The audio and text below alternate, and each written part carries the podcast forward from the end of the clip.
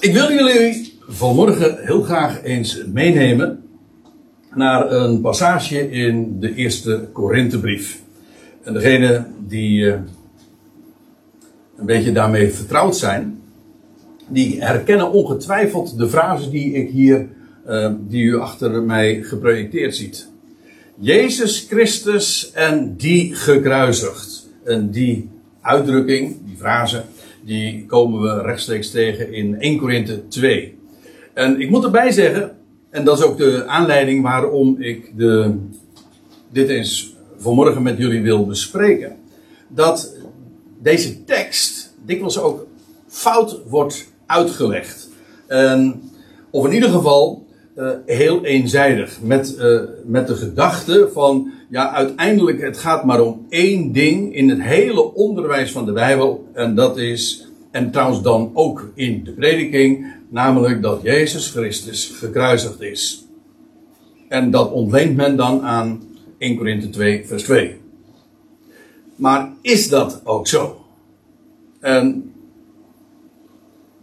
uh, zo nee, en u voelt hem natuurlijk al aankomen. Want anders zou ik het natuurlijk niet besproken hebben. Maar zo nee, uh, hoe zit dat dan wel? Nou, laten we eerst eens eventjes naar de bewuste tekst toe gaan. En natuurlijk, dat is uh, inmiddels het tweede hoofdstuk. En Paulus had al, al het een en ander gemeld. Een lang hoofdstuk is hier aan vooraf gegaan. Waarin hij ook vertelde dat hij niet toegaf uh, aan, aan dat wat de wereld, in dit geval de wereld in Korinthe, dat was echt een van de steden in uh, het toenmalige Griekenland, naast Athene. Ja, letterlijk en figuurlijk naast Athene. Nou ja, even goed nog wel een kilometer of 780 daar vandaan, maar niettemin. Uh, en Paulus zegt dan ook, en dat is trouwens vers 1 van het hoofdstuk, hij zegt, toen ik tot jullie kwam, hij zegt, toen kwam ik niet met, met uh, overweldigende woorden, of hoe zegt hij dat nou precies? Uh, nou moet ik toch eventjes correct uh, citeren. En toen ik bij u kwam, uh, zo luidt de uh, broeders, kwam ik niet met uitnemendheid van woorden, niet met heel veel retoriek. dat is trouwens ook een Grieks woord, retorica. En daar waren Grieken ook zeer bedreven in. Althans, dat was een, echt een, een, enorme kunst. Maar om de dingen zo mooi mogelijk ook te vertellen. Hij zegt er ook bij, niet met uitnemendheid van woorden of wijsheid. Dus filosofie, ook alweer een Grieks woord. En aan, aan die verlangens van de wereld om toch maar vooral te imponeren met, ja, nou ja, met woorden, met uitnemendheid van taal en met retorica en met, met allerlei filosofische redeneringen. Niets van dat al. En hoezo? Nou, hij zegt dan in vers 2: Want ik oordeelde niets te weten onder jullie dan alleen Jezus Christus, namelijk die gekruisigd is. En ja, vandaar dus uh, die titel ook van uh, alleen Jezus Christus en die gekruisigd. En ik zet hier een vraagteken. En als je het puur op dit vers beschouwt, dan moet hier dus eigenlijk een uitroepteken staan. Namelijk, Paulus had besloten toen hij naar Korinthe ging, of onder de Corinthiërs arbeidde, hij zegt: Ik oordeel dat ik niks onder jullie uh, wilde vertellen dan alleen Jezus Christus, namelijk de gekruisigde. De vraag is natuurlijk, die zich direct opdringt, van, wacht even, maar Paulus had toch zoveel meer dan te, te vertellen dan alleen maar dat Jezus Christus, oké, in overeenstemming met de profetie en zoals was voorzegd, en waar al duizenden jaren ook op gewacht is, uh, dat hij gekruisigd zou uh, worden. En is dat het wat hij alleen maar te melden had? En uh, het antwoord daarop is nee, uitdrukkelijk niet. Je leest trouwens ook later in 1 Korinthe 15 dat Paulus zegt van ja, toen ik jullie het evangelie vertelde, toen heb ik jullie eerst, uiteraard, wat, wat vertel je eerst? Het ABC, hè? Dat, dat, in dit geval klopt dat nog heel aardig ook, want hij zegt, ik, het ABC van het evangelie is namelijk dat Jezus Christus gestorven is. Namelijk aan het kruis. B. Begraven is naar de schriften. En C. Ten derde dagen werd opgewekt uit de doden. Naar de schriften. Dat wil zeggen, het is allemaal in overeenstemming met wat voorzegd was. En zoals dat de Hebreeuwse Bijbel daar overvloedig over spreekt. Maar dat betekent dus dat als Paulus uh, het evangelie vertelt, ja, dan vertelt hij van hem die gekruisigd is. Maar wat is het bijzondere van de gekruisigde? Wel, dat hij is begraven, jawel, maar dat hij vervolgens uit het graf op de derde dag door God is opgewekt uit de doden. En zonder dat laatste, ja, is er niet eens sprake van het evangelie. Trouwens, dat zegt hij ook in 1 Korinthe 15. Dat indien Christus niet is opgewekt, ja, dan is onze hele boodschap zonder inhoud. En zonder inhoud, als jullie geloof, kortom, eh, dan gaat het helemaal nergens over. Dus het feit dat Paulus zegt van ik heb besloten onder jullie niets anders te vertellen dan Jezus Christus, eh, namelijk die gekruisigd is, betekent niet dat hij niet verder ging dan, of niet meer te melden had dan eh, het kruis. Nee, hij, hij sprak van de opgewekte Christus. Maar let op, en dat is het punt. Die, Christ, die Jezus Christus die hij predikte, dat is de gekruisigde. En wat bedoelt hij daarmee ook te zeggen? En dan gaan we, dan hebben we, ja, om dat te beantwoorden, moet je dus eerst eigenlijk naar het, uh, naar het eerste hoofdstuk gaan. Dat gaan we straks ook doen trouwens. Want dat spreekt, dat kruis spreekt van de wijze waarop hij gestorven is. En hoe de wereld met hem is omgegaan. De godsdienstige wereld, Israël. Uh, ook uh, de Romeinse wereld, de politieke wereld.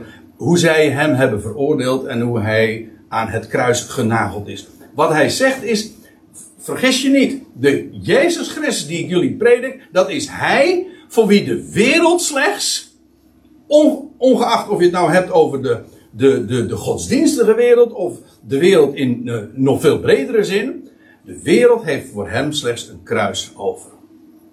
En hij die ik predik, degene die ik predik, dat is degene die in de wereld niet in tel is. Kijk, en dat was nou uh, een, een pijnlijke boodschap.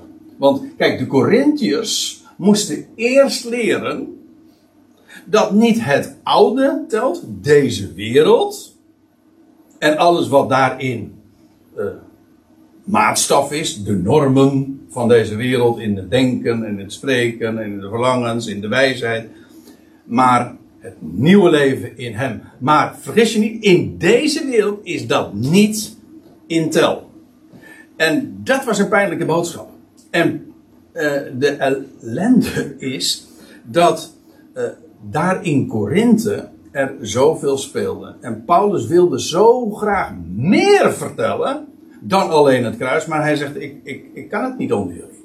Daarom, eigenlijk de nadruk ligt hier ook onder de, eigenlijk, uh, op de woorden uh, die ik hier heb onderstrepen. Onder jullie. Ik heb besloten niets te weten onder jullie dan alleen Jezus Christus, namelijk die gekruisigd is.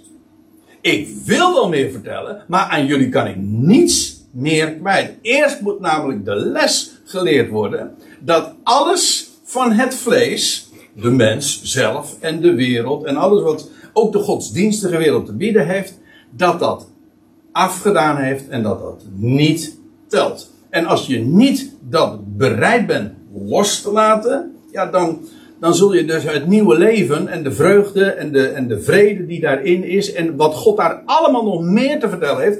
In het eerste hoofd, in het eerste vers zegt hij ook, en trouwens in het vervolg van dit hoofdstuk ook, hij zegt, ik wil jullie vertellen over de verborgenheid over de geheimen van God. Die altijd verborgen waren, maar die nu geopenbaard zijn. En waar ik zoveel meer over te, te vertellen. Dat is, de, dat is wat hij trouwens in hoofdstuk 3 dan weer noemt. De vaste spijzen. Hij zei, ik kon aan jullie alleen maar melk kwijt. Dat melk, dat, is dus, eh, dat zijn de eerste beginselen. Het ABC. Hij zei, meer niet. Hij zei, maar jullie, hij zei, jullie moeten verder. Maar voordat we verder gaan, moet eerst duidelijk zijn dat alles wat in deze wereld is en wat wij misschien naar de mens gesproken zo belangrijk vinden, dat dat niet telt. En dat, is een, dat snijdt diep. Dat is, dat, ja, dat is met recht een besnijdenis. Dat snijdt in het vlees. Overdrachtelijk. Ja. En dat dat zo is. Kijk, Paulus, de, de Korinthebrief is een lange brief, hè? 16 hoofdstukken. Paulus doet er lang over om bij zijn eigenlijke punten aan te komen. U zegt dat verschijnsel ken ik van jou ook. Eh, dat, verwijt, dat krijg ik ook wel eens een keer. Trouwens, dit keer valt het wel mee, want ik kom nu meteen ter zake. Ja, ja, soms. Uh, maar nee, kijk, in dit geval bij Paulus is ook uh, het punt.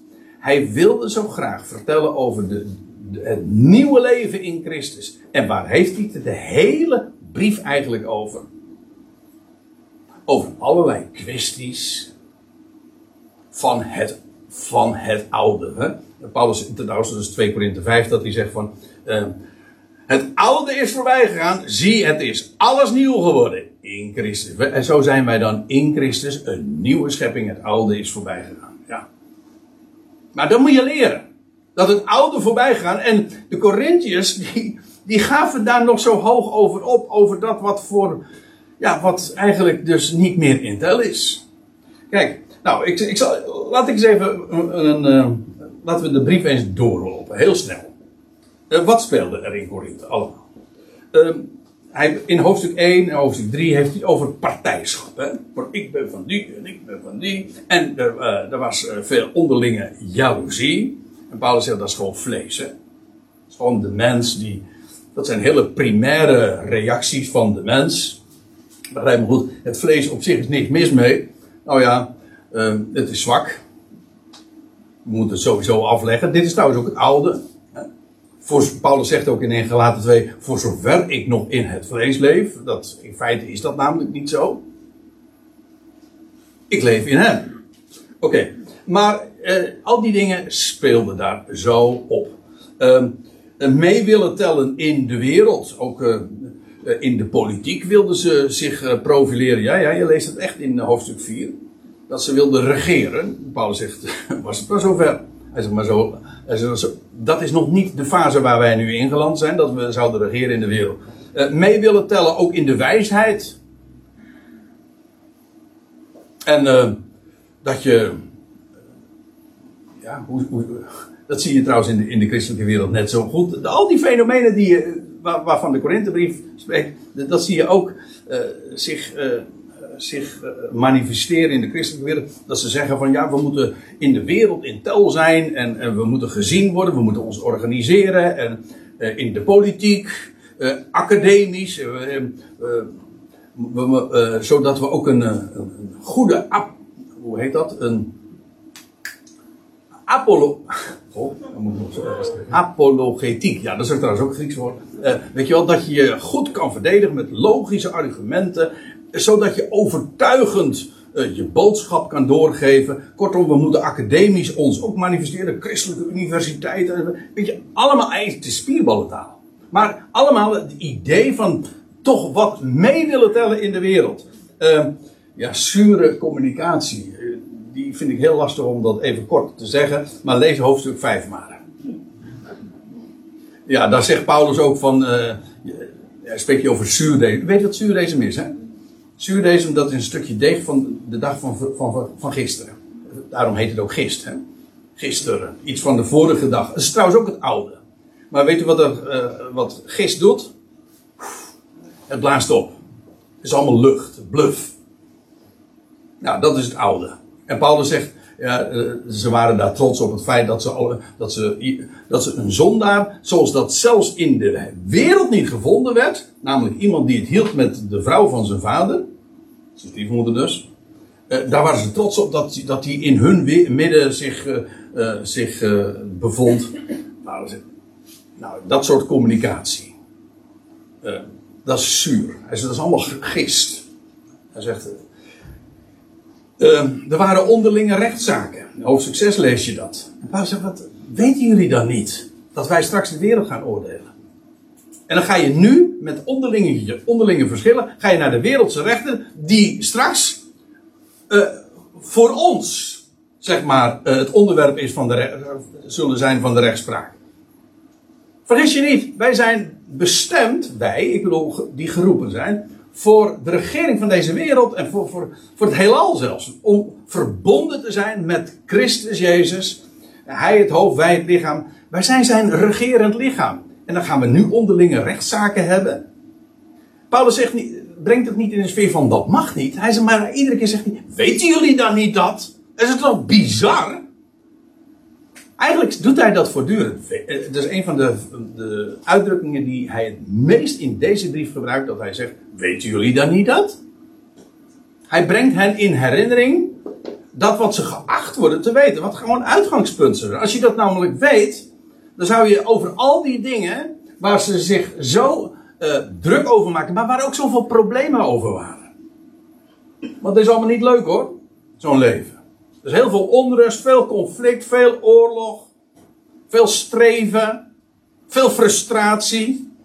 Uh, er was hoofdstuk 7 uh, hoererij, ontrouw in het huwelijk, uh, deelname hoofdstuk 8 aan afgodische ja, aan de afgodische praktijken in de tempel die, de, die Korinthe ook rijk was.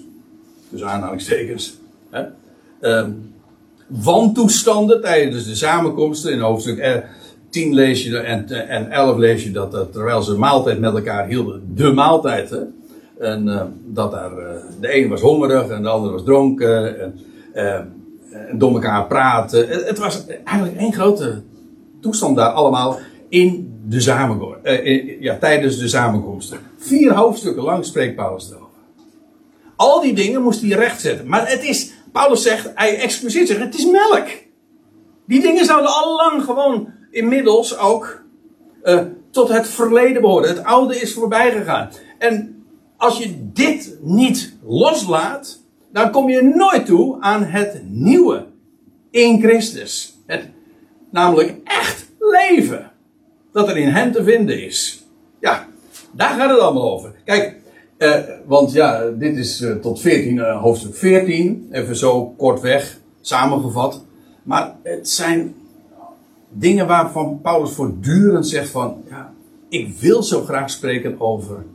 En dat is hoofdstuk 15. Dat is helemaal het eind van de brief. Oh ja, u, ook, u zegt, uh, het heeft om 16 hoofdstukken. Ja, maar die laatste hoofdstuk, dat laatste hoofdstuk, eigenlijk alleen nog maar wat groeten en zo. Wat zakelijke, uh, huishoudelijke mededelingen.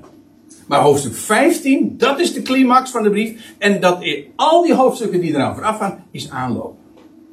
Hij moest dat eerst die dingen rechtzetten om überhaupt te kunnen spreken over de geweldige uh, waarheid van het nieuwe leven en hoe, hoe de dood teniet gedaan wordt. En nou ja, hoofdstuk 15 is echt een absolute hoogtepunt van, van de brief. is geweldig. En ja, maar wat Paulus dus eigenlijk tegen die Corinthiërs zegt, jullie zijn georiënteerd op, eigenlijk gewoon gedesoriënteerd ja, op de wijsheid van deze wereld. Ja, ik heb expres een kompas, hè. Ja, dan, dat is de manier waarop je georiënteerd. Trouwens, weet u wat oriëntatie betekent? Dat is, er zit het woordje oriënt in. En dat is je richten op het oosten. Ja, dat is dan weer geen kompas, dat geef ik toe. Oké. Okay. Uh, dus daar waar, daar waar het licht op gaat ja, als je je wil oriënteren, dan moet je weten waar gaat het licht op. En ja, dan moet je je dus oriënteren. En, maar de, de, de, de Corinthiërs die waren georiënteerd op de wijsheid van de wereld. Nou, dat is echt desoriëntatie. Op het oude, op het vlees. Gewoon dat uh, wat uh, er nu eenmaal is, dat weet ik wel. Maar het zou geen leiding hebben. Dat, dat is wat Paulus ook over het vlees zegt. Uh, namelijk, het zou beheerst worden. En het zielse, het, het psychische. Niet geest, pneuma, maar psyche. En al die dingen, al die elementen, die speelden een grote, om niet te zeggen een hoofdrol in dat, in dat leven van die Corinthiërs. En Paulus zegt, je, je hoort hem soms zuchten. Waarom? Omdat hij zo graag wilde vertellen over dat nieuwe leven en dat ze dat ook zouden beleven. Ja. En eh, wat hij in hoofdstuk 1 van de eerste eh, van de van de brief had gezegd, en laten we daar nu eerst uh, dan eens naartoe gaan, is de geweldige waarheid van de gekruisigde Christus. Hoe het kruis eigenlijk het embleem is van hoe God een einde maakt aan het oude, aan deze wereld. En hij is met wie wij verbonden zijn als gelovigen. Ik bedoel, als een gelovige is iemand die zich heeft overgegeven aan hem, die gestorven is. En wij met hem. Zo rekent God. En wij leven met hem. Wel, dat is waar het eigenlijk waar het, uh, over gaat. En wij zijn verbonden met hem. En, en dat, dat kruis, dat spreekt van uh, hoe het oude, het vlees en alles van deze wereld gewoon niet meer telt. En het gaat maar om één ding. Namelijk het nieuwe leven in Christus. Het is nieuw geworden in Hem. Oké, dat eh, brengt Paulus naar voren in hoofdstuk 1 van, uh, van deze brief. En, en ik haak dan aan bij vers 23. Dan zegt hij dit. Het is midden in de zin dat ik nu hier uh, begin. Hij zegt: Wij, wij, wij prediken wij als apostelen, wij prediken, wij herauten een gekruisigde Christus. Een gekruisigde Christus. Niet alleen maar Christus aan het kruis. Dat is heel, heel wat anders, hè? Ik hoop, ik hoop dat u het verschil uh, opmerkt. Paulus predikte niet alleen maar Christus aan het kruis. Hij predikte een gekruisigde Christus. Dat wil zeggen, hij voor wie de wereld een kruis had. Over had. En met die Christus zijn wij verbonden. En dat betekent dus dat alles wat van deze wereld is, eigenlijk dus uh, ja, voorbij is. Wij zijn verbonden met iemand die, uh, die gestorven is en inderdaad voor wie de wereld een kruis over had. Vandaar, dat is ook wat hij eerder in deze, dit hoofdstuk ook noemde, het woord van het kruis. Hij zegt, die gekruisigde Christus, het is voor Joden een valstrik en voor de natie een dwaasheid. Hij zegt, degene die wij herauten, niet met mooie retoriek, niet met, uh, met filosofie, maar gewoon als feit. Zoals de schriften hem hebben neergezet en voorzegd, hij is gekomen en nu is daar die waarheid van hem die stierf, zoals was voorzegd, en die werd begraven en die is opgestaan uit de doden. Wel, die boodschap, niet van iets, ook niet van een bolwerk van gedachten, niet van een concept, nee, van iemand. Christus, de opgewekte. Maar ook degene die gekruisigd is, en dat was voor de wereld het einde. En hij is voor Joden, staat er een volstrik. Dat staat in Grieks, dat is een mooi woord. Uh, scandalon.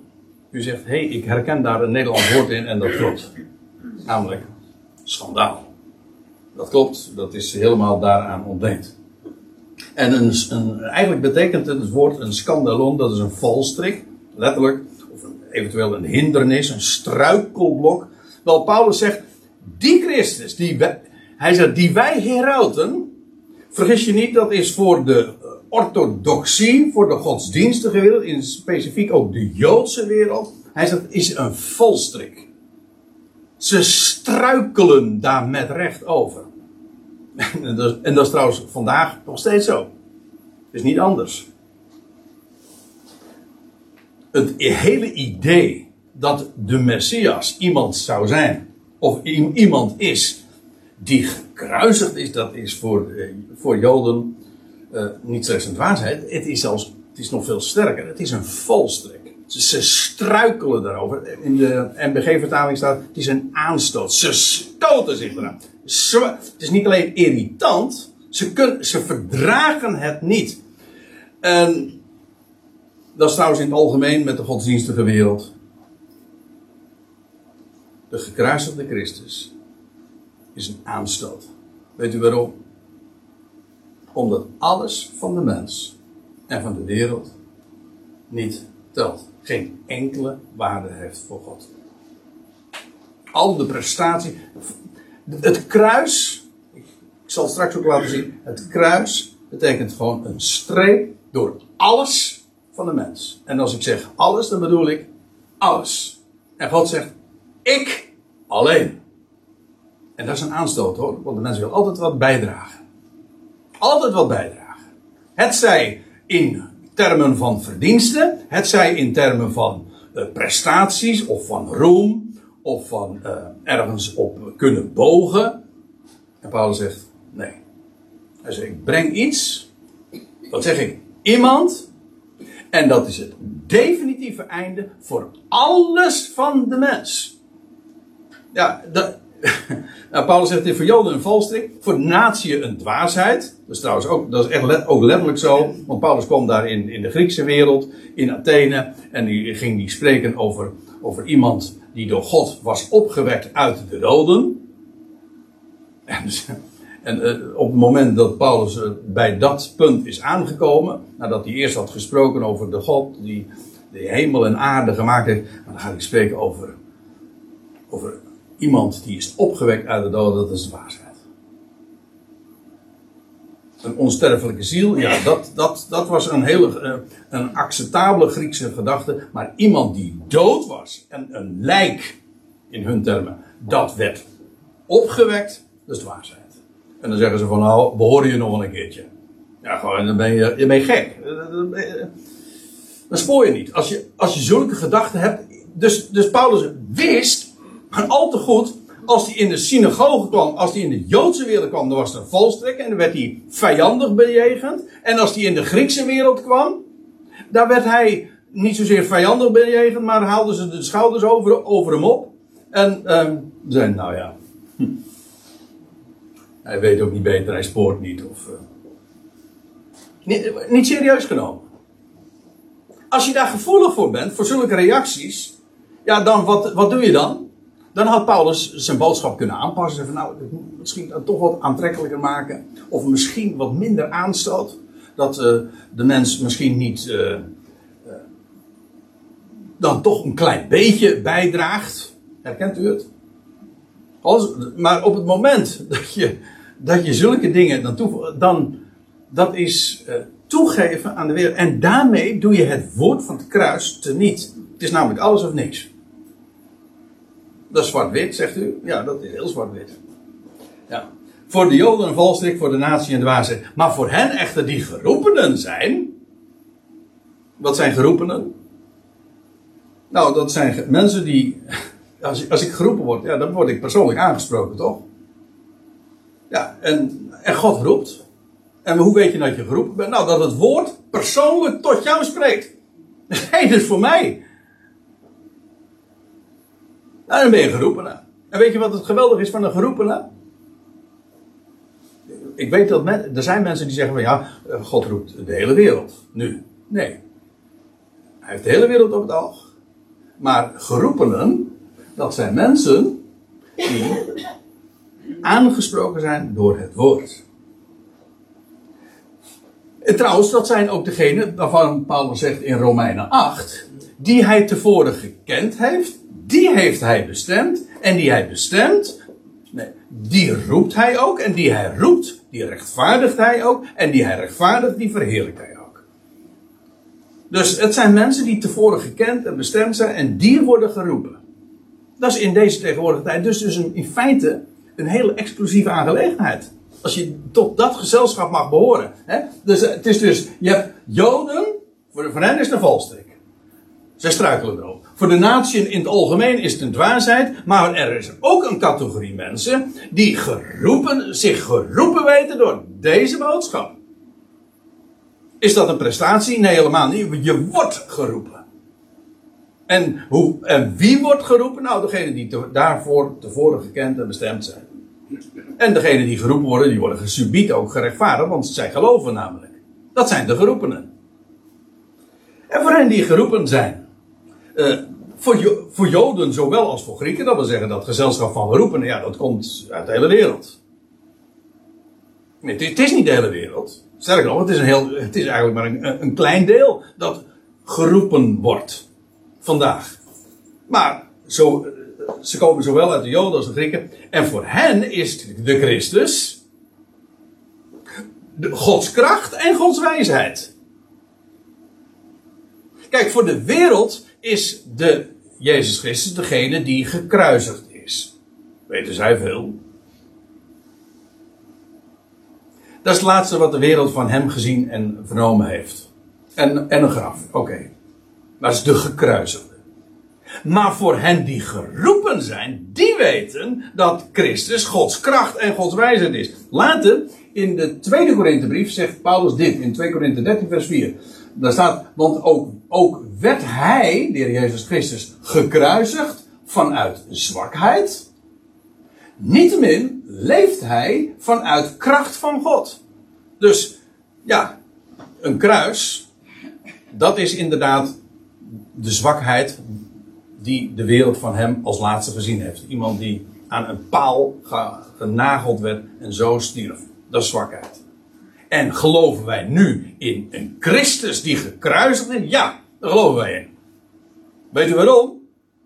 Voor degenen die geroepen zijn, die weten namelijk dat hij weliswaar gekruisigd is in zwakheid, maar van Gods wegen, ten derde dagen, is opgewekt uit de doden. En dat is de kracht van God. Dus dan mogen de Joden daarover vallen. En dan mogen de naties het als, als stupide bestempelen. Maar voor degene die beter weet, niet als prestatie bedoel ik dat, maar omdat je geroepen bent, dan weet je, hij is de kracht Gods. En bovendien is ook Gods wijsheid. Want het wazen, staat er dan in vers 25, het wazen van God, dat is wijzer dan de mensen. En het zwakke van God is sterker dan de mensen. En ik heb expres dit, uh, dit plaatje er maar bij gedaan. Want dit illustreert nu precies alles. Hier in dat graf werd een gekruisigde gelegd. De dood. De dood van een mis, misdadiger die aan het hout gehangen werd. Ja. En hoe is het mogelijk dat heel de, de toekomst van de wereld ligt in handen van iemand die gekruisigd is en die in een graf begraven werd? Dat is toch bizar. Spoor je wel. Ja. Maar voor degenen die geroepen zijn, die weten. Dit is de kracht Gods en de wijze van Het dwaze van God, dus tussen aanhalingstekens uiteraard. Ja, dat is wijzer dan de mensen. Want het was de. Vergis je niet, hè? Het, wie, heeft, wie hebben de Heer Jezus Christus uh, gekruisigd? Dat waren, dat waren dat is in die plaats waar de wijsheid als uh, waar de wijsheid woonde. Dat is in feite niet Athene, maar waar was nou de meeste wijsheid van God vertegenwoordigd? Dat wil zeggen, zou je mogen verwachten. In Jeruzalem, toch? In de tempel, daar waar de priesters waren en waar het onderwijs van de Torah was, et cetera, waar men de schriften beheerde. Daar zou je wijsheid verwachten. En daar hebben ze de Jezus Christus gekruisigd. Ja, vandaar die valstrik dus. Maar het dwaze van God, dat is wijzer dan de mensen. En het zwakke van God is sterker dan de mensen. En dan gaat Paulus uh, het nog wat persoonlijker maken als hij de Corinthiërs dan aanschrijft. Hij zegt, kijk broeders, naar jullie roeping. Om het nog eens eventjes meer te verduidelijken. Om zo te zeggen. Niet vele wijzen naar het vlees. Niet vele bekwamen. Niet vele edelen. Uh, dat is niet erg complimenteus als je zo wordt uh, aangeschreven. Hè? Nou ja, er waren kennelijk uitzonderingen, want hij zegt niet vele. Dat betekent misschien waren er wel een paar wijzen, een paar mensen bekwamen, mensen die edel uh, te boek stonden. Maar over het algemeen, zegt Paulus, was het niet al te, al te veel zoeks, zeg maar. Om zo te zeggen. Maar dat is illustratief voor de wijze waarop God werkt. Niet vele wijzen, niet vele niet vele edelen. En hoezo? En, en voor zover, laat ik dat er even bij zeggen, want u zegt van ja, nou, uh, is er dan helemaal niet geen ruimte voor mensen die dan wijzen? Ja, maar dan wel ondanks. Ondanks het feit dat ze misschien in de wereld te boek staan als wijs en bekwaam en edel, ze mogen er toch bij horen. Niet dankzij, maar ondanks.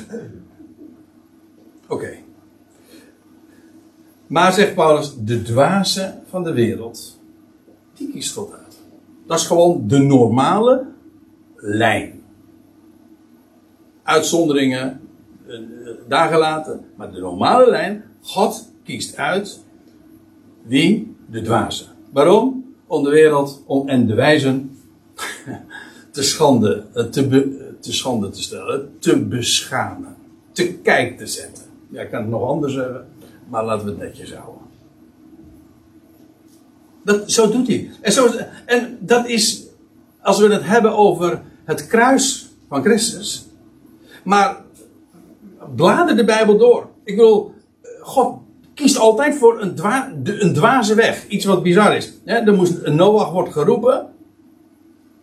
En die moest een schip, een gigantisch schip bouwen. Een houten schip op het droge. Reken maar dat hij tientallen jaren lang voor absoluut gek en dwaas is versleten. Is dat leuk? Nee, dat is niet leuk. Maar dit is de wijze waarop God opereert. Als je dat nou van tevoren weet, dan, dan uh, scheelt dat weer een heleboel frustratie. Want als je denkt natuurlijk dat ze allemaal de lopen voor je uitleggen. En dat is allemaal geweldig. Wat je, waar je mee bezig bent, Noah. Nee, die, man die spoorde niet. Ja, tot, tot dat. Hè? Maar zo. Uh, of er wordt een, eh, een, een, een, uiteindelijk de redder van Israël. Die werd gelegd in het biezenmandje. Trouwens ook een, dat was ook een ark trouwens hoor. Een biezenkistje. Hetzelfde woord wordt daar gewoon gebruikt. Of uh, vraag het aan Simpson, die uh, de menigte versloeg met een verdorde ezelskaak. Of, of David met zijn slinger, die grote reus. Dat vond Goliath ook. Die zegt van. die lachte hem vierkant uit. Wat, wat, wat verbeeld je je nou? Ja, tot dat. Zo is het altijd. Maar God verkiest altijd, ik zeg enzovoort, want er zijn natuurlijk talloze voorbeelden. De hele Bijbel staat er vol van en het loopt als een rode draad gewoon door heel de schrift. Namelijk dat God het dwaze verkiest. Waarom? Wel omdat wijs, wat wijs is, of zogenaamd, te beschamen. En, en de zwakken van de wereld kiest God uit om de sterke te beschamen. Er zijn ook heel wat voorbeelden van te geven. Hè, van mensen die zwak zijn. Ik, uh, ja, onlangs heb ik nog uh, uitgebreid uh, gesproken over onvruchtbare vrouwen in de Bijbel. Ja. Notabene die de belofte hadden gekregen dat ze nageslacht zouden hebben. Een rijk nageslacht. En, en wie kiest God daarvoor uit? Een, een onvruchtbare vrouw. Of je het nou hebt over een Zara of een Rebecca of een Rachel. Nou ja, noem maar op. Of een Hanna. Elisabeth. Nou, vrouw van Manoah, hoe ze heette, weet ik niet. Hoe ze heette, ben ik vergeten. Nee, dat ben ik niet vergeten, het staat er ook niet. Maar goed, u begrijpt wat ik bedoel. Uh, dat de zwakke, hè, een stot, ja, dat vind ik ook zo grappig, dat uh, Mozes wordt uh, geroepen hè, om het woord te gaan voeren. En wat van hem lees hij, hij was zwaar van tong. Hè. Dat betekent gewoon, hij stotterde, hij kon niet goed uit zijn woorden komen. Ja, dat, jou moet hebben. Of een, uh, en ik heb ooit eens een keertje een spreek, uh, moeten we nog eens een keertje doen.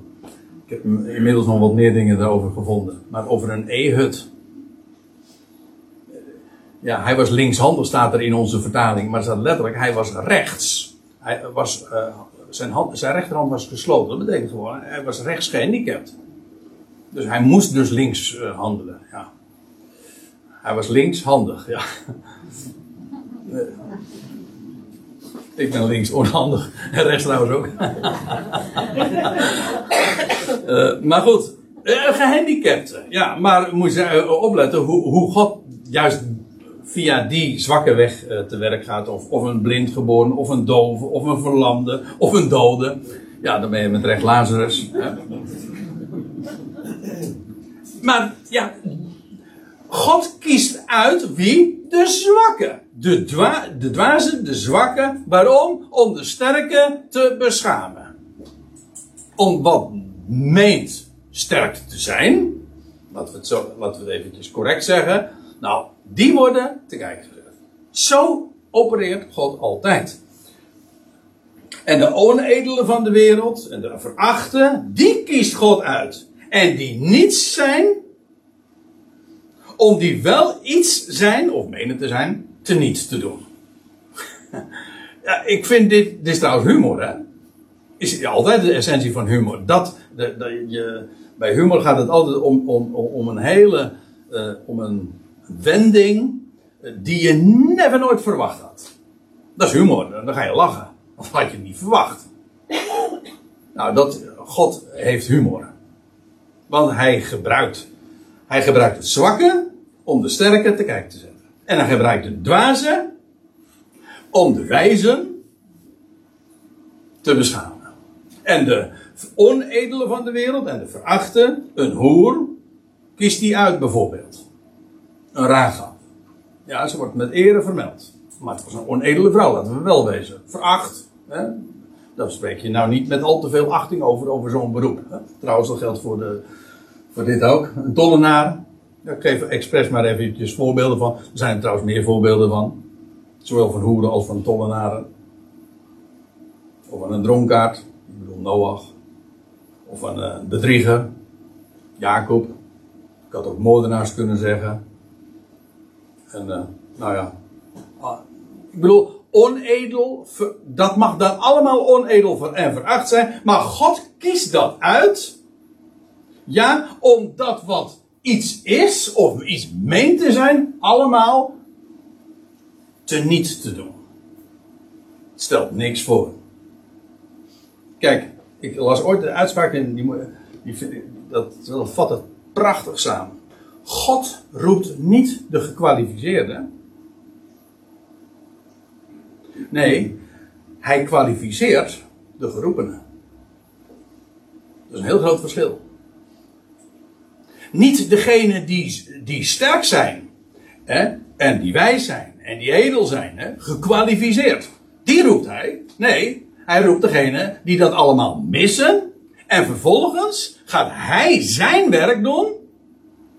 Dat moet, dat moet wel zijn werk zijn. Want zelf hadden ze het niet.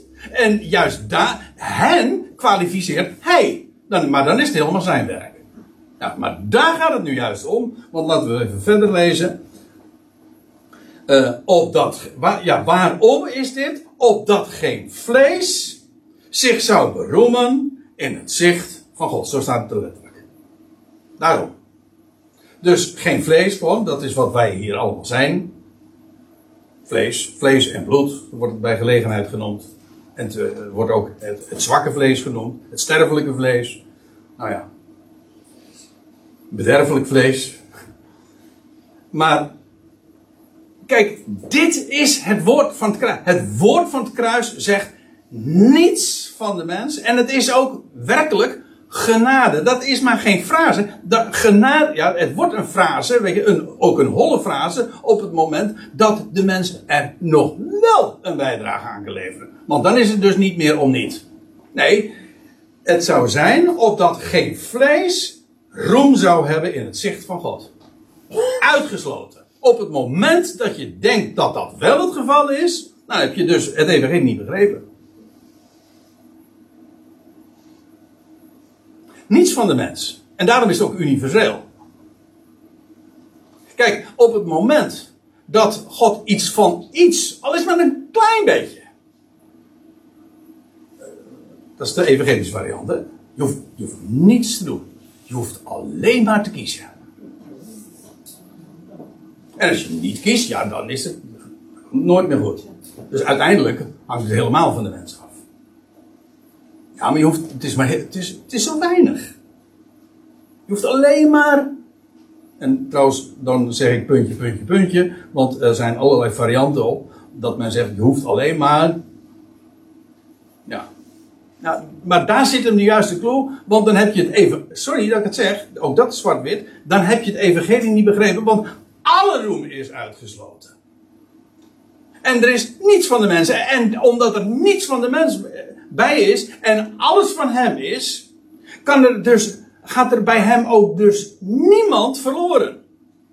Mensen zeggen dan van, ja, is die alverzoening nou zo belangrijk? Het gaat, en mensen doen alsof het alleen maar gaat om die rijkwijde, van dat het iedereen betreft. Ja, dat is wel zo, maar het feit dat het iedereen betreft, dat komt juist omdat er niets van de mens bij zit.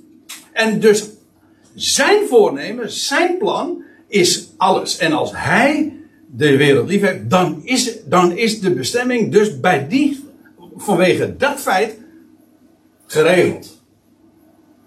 En dus, zijn, en dus is het inderdaad all inclusive. Maar dat is een consequentie. Het gaat niet uiteindelijk om het punt van dat het iedereen is. Het gaat erom, het is niets van de mens. Het is werkelijk genade. Ja, en op het moment dat, dat, dat de mens wel een bijdrage zou moeten leveren, ja, dan, dan gaat het geheid weer, weer, weer van alles fout. En dat zie je dan ook. En dat, is, en dat is in feite tekenen voor elk godsdienstig concept. En filosofie ook. Want ook in de filosofieën van de wereld, politieke filosofieën, of hoe dat ook maar heten mag, dan moet er altijd weer de mens iets doen natuurlijk. Ja, Paulus zegt, opdat geen vlees zich zou beroemen in het zicht van God. Maar uit hem is het dat jullie in Christus Jezus zijn. Hoe komt het nou dat ik, en u zegt, ja maar ik ook, oké, in Christus Jezus ben? Nou, dat is uit hem. Zo, zo staat het er toch? Dus, dus, geen, dus niet het verhaal van ja, maar dat komt omdat ik gekozen heb. Of omdat ik geloof. Ja, ik geloof natuurlijk. God redt door geloof. Maar geloof is het kanaal waardoor wij tot Hem komen. Maar het is, geloof is ook, net als redding, een gave Gods. Staat ook letterlijk zo in Efeze 2. En er staat er ook bij, door genade zijt gezalig geworden, door geloof. Dat niet uit uzelf. Het is een genadegave Gods, of een naderingsgeschenk van God. Niet uitwerken, opdat niemand zou roemen. Weer hetzelfde verhaal. Dus uit hem is het dat jullie in Christus Jezus zijn. Die van, Gods, die van God wijsheid voor ons werd. Dat wil zeggen, uh, Christus Jezus, die is, dat, is, dat is Gods wijsheid. En hoe komt dat? Wel, God heeft ons geroepen. Het woord sprak tot je hart. En daarom ben je in Hem.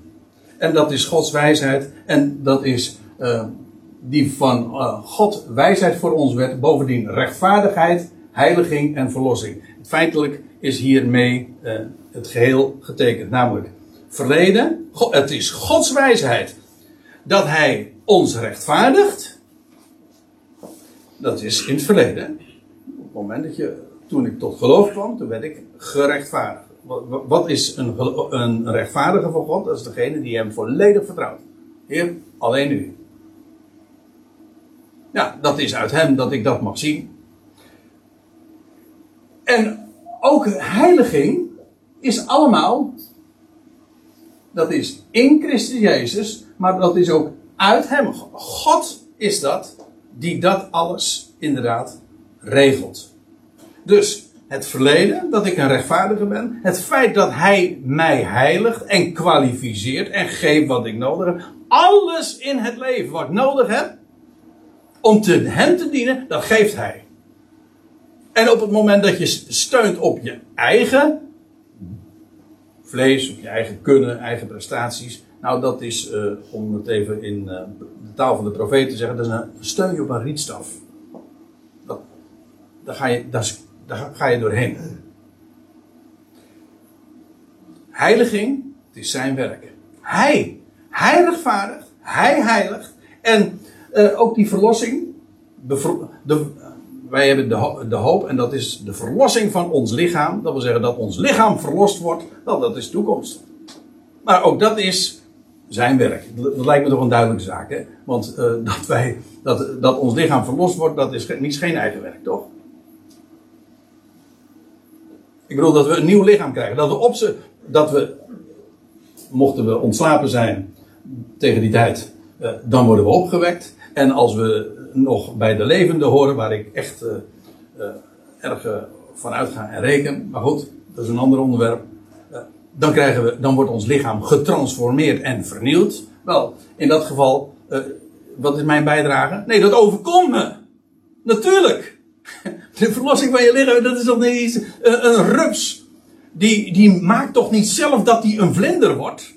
Dat overkomt, die transformatie, metamorfose, onderga je. Maar wat dacht u? Dat geldt voor die rechtvaardiging ook. Het feit dat ik mag geloven dat hij mijn ogen opent, dat hij mijn hart opent, dat is zijn werk.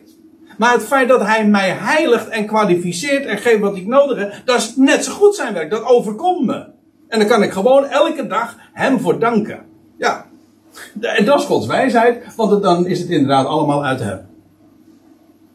Opdat het zij, zoals het is geschreven, weer rond, die roem in de Heer. En weet je wat je dan doet? Dan ga je omhoog kijken. Dan kijk je niet meer om je heen, naar de wereld. Wat ze in Korinthe nog steeds zo uh, deden. Of naar zichzelf, of naar elkaar. Of naar binnen. Dat kan allemaal. Hè? Je kan naar binnen, dan verwacht je het van je eigen innerlijk of van je eigen je gevoelens en dergelijke. Of je verwacht het van elkaar of van de wereld. Nou, al, al dat soort denkrichtingen. Dat speelde in Korinthe. En Paulus zegt: nee, uit hem. Hij doet alles. Dat is Gods wijsheid. En opdat het zij, zoals het is geschreven, die wie rond, die roemen in de Heer. En dat is maar geen eindpunt. Dat is de basis van het evangelie. Alles is van hem. En zo, en, zo, mag je uh, de dag uh, beginnen. En je kijkt omhoog. Dit is allemaal van u. En u gaat het vandaag. Uh, u geeft mij vandaag alles wat ik nodig heb. Niet, wilt u, wilt u mij vandaag helpen? Nee, ik dank u God dat u mijn hulp bent. En dat u mij geeft alles wat ik nodig heb. En dat ik me vandaag mag verblijden in wat u geeft. En, en, en, en dat ik me mag verblijden in een geweldige hoop en verwachting. Wel, daarin mag je roemen. Elke dag. En daar gaat het maar om. Dan kijk je de goede kant op. Je roemt. Je roemt in de Heer. En ik zeg. Amen.